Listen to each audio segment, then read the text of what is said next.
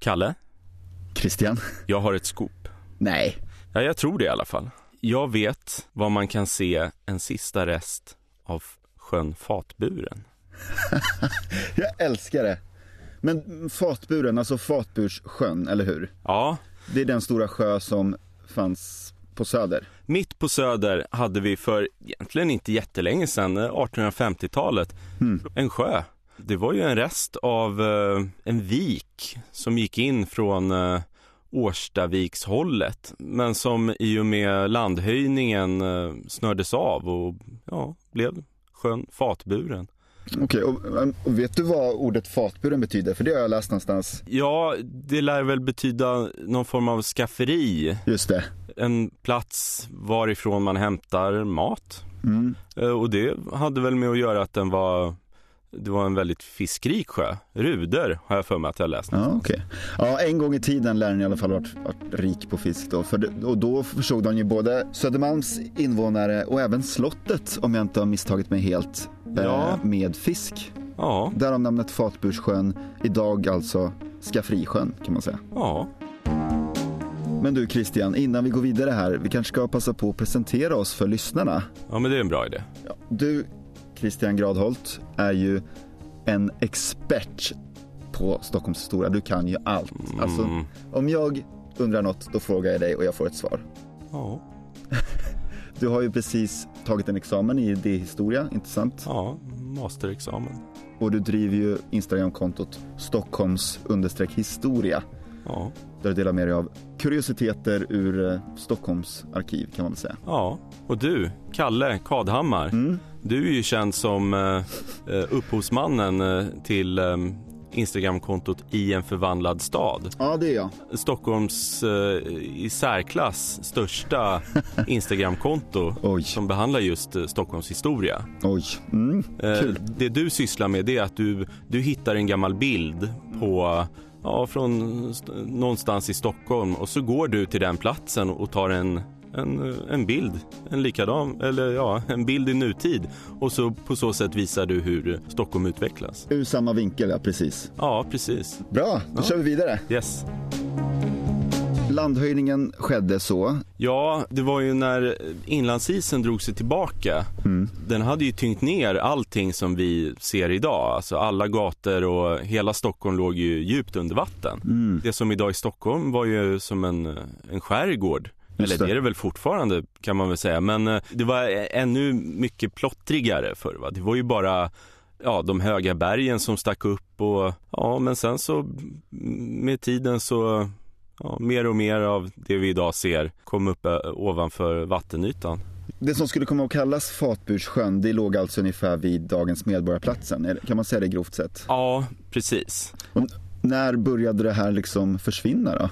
Ja, alltså med tiden, i och med att eh, Stockholms folkmängd ökade, man kommer ju liksom inte ifrån det här med att avfall måste transporteras bort. Det måste slängas. Va?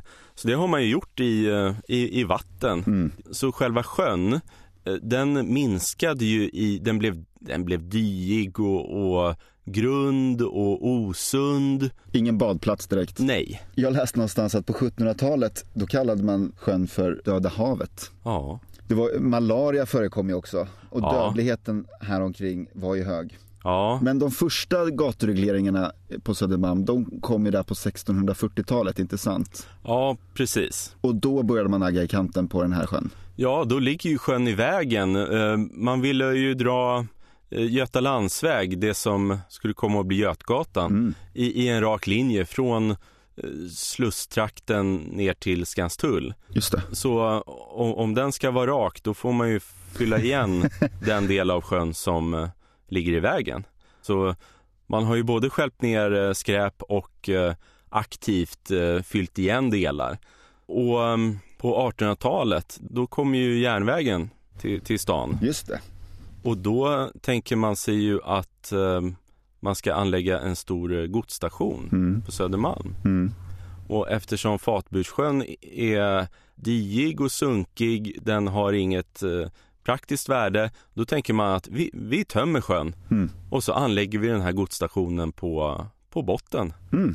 Och så blev det. Ja just det, vi kan ju passa på att nämna här då för våra lyssnare att om man är nyfiken på att kika närmare på de här platserna och se exakt var de ligger eh, i förhållande till varandra, då kan man gå in på en karta vi har gjort på Google Maps där alla platser vi berör i avsnittet finns utmarkerade. Ja. Och länken till den här kartan hittar ni i eh, beskrivningen för det här avsnittet. Ja, Men mm, så på 1800-talet försvann sjön. då var det definitivt slut på fatburen. Och även idag så hör man ju, du har väl hört det här om den här vassruggen vid Södra station? Ja, jag har faktiskt hört talas om det. Jag har noterat att Ja, det ska finnas spår kvar, hävdar vissa. det kan säkert stämma. Alltså, det bygger ju på att sjön aldrig riktigt har velat försvinna. Va? Mm. Eh, så trots att eh, Södra station med eh, godsbangårdar och allting låg där i 120 år Mm. så fanns det ändå några små rester av fatburen kvar Mm. i form av någon vassrugge som man då ska ha kunnat se ända fram till 80-talet då hela godsstationen eh, röjdes bort och man byggde bostäder och Bofilsbåge och, Just det. och så vidare. Ja, det är ju kittlande att tänka ändå att det fanns vass kvar från Fatburssjön så sent som in på 80-talet. Ja, och det är ju verkligen ingen omöjlighet. Nej. Men, du var inne på det, det finns möjligtvis någon form av rest fortfarande då, eventuellt. Ja, jag, jag tror faktiskt det. Hur har du hittat det här? Det måste du berätta. Det här är ju så spännande. Ja, jag hittade en karta som visar Fatburssjöns bedömda utsträckning på 1200-talet. Okej. Det finns ju inga samtida kartor Nej. från Stockholm då. Eh, Så man har ju, man har gjort ja, arkeologiska bedömningar. Man har rekonstruerat hur sjön har eh, sett ut Okej. på medeltiden. Mm. För man har gjort en del arkeologiska fynd kring fatburen, eller hur? Absolut. Man har hittat bryggrester i ändan där på Folkungagatan. Mm. Gick det ut eh, brygger och Och utifrån det har man gjort de här uppskattningarna då kring vart sjön sträckte sig. Ja, jag är verkligen ingen expert på sånt här va, men eh, Stadsmuseet, jag har hittat den här kartan på Stadsmuseet och, och jag utgår ifrån att det ligger någonting i den. Lite expert är du. Ja, jag, jag har ju suttit och jämfört här va. Ja, ja. Så jag, så jag tror, eh, eftersom på medeltiden här på 1200-talet som den här kartan visar Mm. då var ju sjön väldigt mycket större än vad den senare blev där i och med gaturegleringen Mm. Eh, Då gick den alltså över förbi på östra sidan om, om Götgatan och nedanför Skånegatan. Ja, okej. Eh. Ända dit alltså. Ja, och, och jag tror att man kan se en liten rest av Fatburssjöns botten, en, en strand där. Mm. Om du tänker att du går på Östgötagatan Mm. mellan eh, Gotlandsgatan och Katarina Bangata ungefär i höjd med Blekingegatan. Just det, det finns ett Coop där bland annat. Ja, precis. Och en Kupan. Och så tittar du ner på kvarteret Täppans innergård. Okej. Alltså om du går norrut och tittar ner till höger, Ja, ja, då ja. går du förbi kvarteret Täppan. Okej. Och, och, och tittar du över planket där, då Mm. ser du att innergården där, Mm. den ligger ett antal meter lägre än gatorna omkring. Det är spännande. Ja, jag har även hittat en annan karta som visar en ännu äldre strandlinje. Mm. som visar hur vattenlinjen såg ut eh, 1500 före vår tideräkning. Oj. Alltså för 3500 år sedan. Och då kom ju vattnet in från, även från eh, Hammarby sjöhållet. Okej. Den vik, den eh, havsvik som sen blev fatburen Mm. och den här viken från Hammarby sjöhållet, de skildes av av ett smalt, smalt näs som Mm. jag tror är just Bjurholmsgatan. Och den här lilla sandåsen som de här 1700-talskåkarna ligger på. Mm. Det här som var bryggeri och, och sjukhus och som finns kvar. Just det. Och, och, och om man tittar lite på kvartersnamn och gatunamn Mm. så ser man att Bjurholmsgatan hette för Sandbergsgatan. Det var ett berg av sand som låg där. Fascinerande. Och jag tror att det var den delen av Stockholmsåsen som, som skilde de här eh, vattenmassorna åt. Så, så om, man, om man står där uppe och vrider tillbaka klockan 3500 år så hade man vatten på båda sidor om sig, bara några meter. Fantastiskt. Ett scoop i vårt första avsnitt. Ja, jag, jag, jag tror att det är ett skop faktiskt. Tack för det. Ja. Tack själv.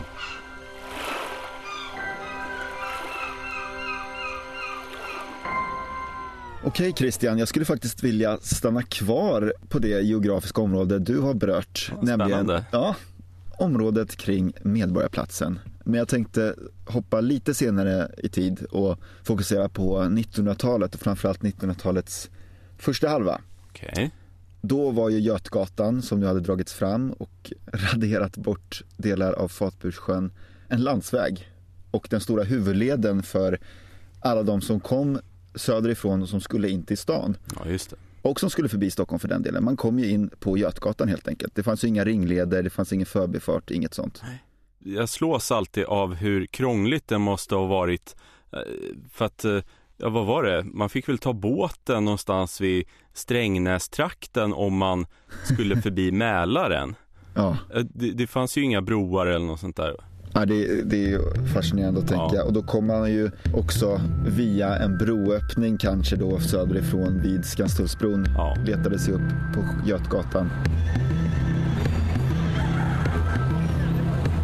Och där möttes man ju av en ljudnivå som antagligen var högre än idag. För där hade vi då hästar, vagnar, spårvagnar, en del bilar, diverse cyklister och fotgängare. Ja, och släpkärror och, och... Och djur. Jag kommer att tänka på Hans Villius eh, som började något av sina program om Stockholms historia eller Sveriges historia. Att eh, där på slutet av 1800-talet, början av 1900-talet, de flesta yrken innebar ju släpa saker och flytta och lyfta och dra och konka. Springpojkar. Och vedbärare och is, eh, is sådana här isgubbar mm. som kom och ja, allt, allt skulle konkas och bäras. Så det var kaos helt enkelt ja. under 20-talet på Götgatan. Och ett vedertaget begrepp som vi nog alla känner till är ju Slussen-eländet och det kommer vi nog få anledning att återkomma till i ett annat avsnitt. Absolut. Men det fanns ett motsvarande begrepp faktiskt som även nämndes och användes äh, även i folkmun vid den här tiden och det var Götgatseländet. Alltså? Man kan ju säga att de här fenomenen var delvis ihoplänkade. Det var ju helt enkelt att befolkningsmängden var explosionsartad vid den här tiden från 1800-talets slut och framåt. Och Stockholm växte så det knakade. Vi hade biltrafik och den typen av nymodigheter som stan helt enkelt inte var anpassad för. Det var trafikstockningar, det var underdimensionerade gator och det här fick ju våra stadsplanerare att klia sig i huvudet vid den här tiden. Men det var då man eh, kläckte idén, eller man var inte först i världen med det direkt, men man reste ett förslag med inspiration från kontinenten där det hade börjat förekomma tunnelbanor. Ja, just det. Det vill säga att man drar tågtrafik under jord eh, och på så sätt avlastar gatunätet. Redan 1920 reste man det här förslaget om att föra ner Götgatans spårvagnar i en tunnel och i februari 1931 då påbörjade man faktiskt det här arbetet. Aha. Södertunneln kallades den och den byggdes delvis då i öppet schakt längs Götgatan. Och den 30 september 1933 då hölls det en invigningsceremoni där bland annat borgarrådet Yngve Larsson närvarade och eh, klippte bandet och åkte premiärturen men, under Götgatan. Men, men det tog alltså bara två år från Slussen till till Skanstull. Det, det, det, var bara två år. Ja visst är det fascinerande. Två och ett halvt år ganska exakt. Ja det är otroligt. Och, och, och, då ska man alltså spränga sig ner under Götgatan in till hus och butiker Mm. Samtidigt som eh, det kanske var någon del av Götgatan som, som var användbar som, som man fick trängas på. Och så skulle man ju genom berget också till, eh, eh alltså mellan Medborgarplatsen och Slussen. Och där fick man spränga då va? Ja, men det, det är ett otroligt tempo. På bekostnad kanske då av arbetarnas hälsa och väl och ve, kan man tänka sig. Sannolikt. Det hade ju föregåtts av tio års debatt och utredning innan givetvis i och för sig då, men två och ett halvt år, ja det är det är snabbt jobbat, det får man säga. Och redan då kallades den faktiskt officiellt för tunnelbanan. Mm. Den gemene skolan är ju liksom att tunnelbanan öppnade på 50-talet i Stockholm. Ja, det är ju standardberättelsen. Ja. 1950. Men det är intressant att tänka att liksom 17 år tidigare redan mm. hade ju faktiskt tre stationer öppnat. Och det var ju då Slussen, Medborgarplatsen som vid den här tiden hette Södra Bantorget och så var det Skanstull som vid den här tiden hette Ringvägen. Alltså man hör att det är lite mer spårvägsmässiga namn. Ja. Ringvägen kan man ju förstå att man bytte. Det var ju fler stationer som senare kom att döpas efter gator. Men det är ju svårt att ha en station döpt efter en gata som är avlång. Man vet ju liksom inte vart man kommer upp då eller vart man ska liksom Ja, hamna. och, och nu är det nog bara Rådmansgatan va, som heter... Just det. Ja. Just det, det är sant. Men Ringvägen och Södra Bantorget hette de här stationerna då, som än idag är sig lika. Arkitekten för de här stationerna hette Holger Blom.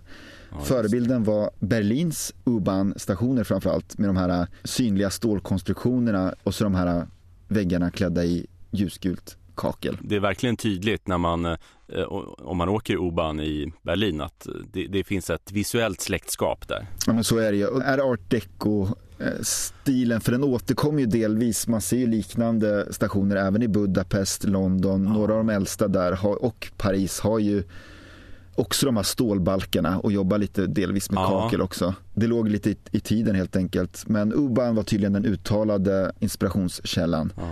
Och i samband med öppnandet här och, och inför öppnandet också så behövde man ju marknadsföra det här.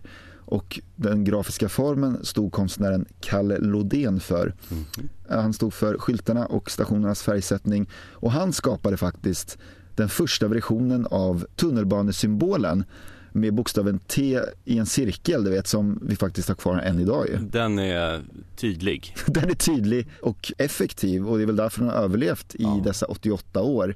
Ett tag bytte man ju faktiskt ut den mot en fyrkant. Ett, ett svart T i en fyrkant, kommer du ihåg det? Nej, Den blev inte långlivad. det kan ju inte ha flygit. Det flög inte, det var nu under 2010-talet. Jag tror den överlevde nej, ett det har par jag år. missat helt. Ja, nej, det var ingen bra idé. Nej, Kalle Lodéns ikoniska logotyp, eh, den används än idag. Och det är då värt att notera att man använder ju då begreppet tunnelbana redan då, 1933. men den måste ju ha, alltså istället för att, för att det gick ju inga spårvagnar på Götgatsbacken. Nej, just det. Eh, Så då måste väl de ha gått runt en bra sträcka. Och det var ju en av anledningarna också, utöver då att man avlastade Götgatan så var ju tidsvinsten för, för pendlarna en av de stora fördelarna. Eh, I Teknisk Tidskrift 1933 har jag hittat ett paragraf som jag tycker är intressant. Mm. Brukar du läsa den ibland? Ja, eh, den ligger på nattduksbordet. En paragraf i samband med tunnelbaneöppnandet är Genom utförandet av tunneln ökade man medelkörhastigheten för tågen från 12 till 14 km per timme vid gång på öppen gata till minst 25 km per timme vid gång i tunnel. Då vägsträckan från Slussen till Skanstull dessutom minskas med närmare en kilometer, det är väl det du är inne på där, Ja. uppkommer genom tunnelns byggande en tidsvinst av upp till 9 minuter. Fortsätter banan även över strömmarna uppgår motsvarande tidsvinst till en station under Vasagatan vid centralstationen till sammanlagt 12 till 15 minuter. Att detta måste vara ägnat icke endast att minska driftkostnaderna för förortsbanorna utan även att i betydande grad underlätta exploateringen av stadens stora markområden i Brännkyrka borde vara uppenbart. Just det, och, och, men förr var väl Brännkyrka väldigt mycket större va? Nästan allt söder om Söder betraktas väl som Brännkyrka. Och det är ju den marken som Stockholm hade köpt här vid seklets början och som skulle exploateras och som blev Trädgårdsstaden och Enskede gård och så småningom även Årsta och Gullmarsplan i praktiken. Ja. Så det var, de var ju rätt på det kan man ju säga. Ja. Eh, Det blev en enorm tidsvinst. Man kan ju bara tänka sig då om man bodde i stadens utkant, låt säga kring Skanstull eh, och skulle ta sig in till Norrmalm, låt säga. Vi snackar ju en förmiddagsutflykt. Ja, Du skulle göra ett antal byten längs vägen och bara att liksom korsa Södermalm i sig tog ju då 20-30 minuter. ja. Så det var en stor tidsvinst men det, det var ju fortfarande tillägnat långt ifrån hela eh, Stockholms befolkning. Så att ganska snart efter den här sträckningen så började man utreda om man kunde göra det här på fler platser. Helt enkelt förlänga det till norra Stockholm. det låter ju rimligt. Det låter rimligt och det kommer vi garanterat återkomma till men man kan ju bara i snabba ordalag nämna då att man tog ett principbeslut 1941. Man gick emot den utredningen som, som eh, påstod att man inte skulle behöva en tunnelbana i Stockholm eftersom Jaha. Stockholm hade bara 600 000 personer invånare vid den här tiden på 40-talet och man ansåg att en miljon personer minst behövdes för att man skulle kunna motivera en tunnelbanebyggnation. Eh, Men man gick emot det, man såg väl att befolkningstillväxten var sån att det skulle komma att behövas oavsett. Så det var några räknenissar där som tyckte att nej, det här ska vi inte ha. Ja, nej men exakt. Men så byggde man ut den i alla fall och, och, och man gick på visionerna. Och 1950 öppnades då det som man normalt sett brukar betrakta som tunnelbanans födelse då 1950 och eh, skillnaden då var ju att man hade nya tåg, eh, man hade behövt bygga ut Skanstulls och Medborgarplatsens stationer, perronger något eh, för att få plats med de här tågen som då inte var spårvagnståg längre utan eh, tunnelbanetåg med större kapacitet för mer människor och då också något längre. Så man kan ju se på Medborgarplatsens perrong till exempel då att de 40 meter längst norrut på perrongen Och närmast Slussen ja. Ja men precis, de är, där skiljer sig eh, taket väldigt mycket åt och det är ju de metrarna som har lagts till helt enkelt på 40-talet. Ja man grävde vidare lite av tunneln där och... Ja men exakt. Ja. Men än idag finns rester kvar av när eh, dessa stationer användes till spårvagn. För i taket på både Skanstull och Medborgarplatsens stationer där kan man fortfarande se fästena för spårvägens kontaktledningar. Ja, vad häftigt. Ja, det är häftigt. Det måste jag titta efter. Jag har, jag har aldrig sett det eller ens vetat om det. Men ja, det måste man ju titta efter. Det är coolt och det gäller att passa på nu för en renovering som är på gång här kommer sannolikt innebära att de tar bort de här fästena. Ja, efter 88 år. Det.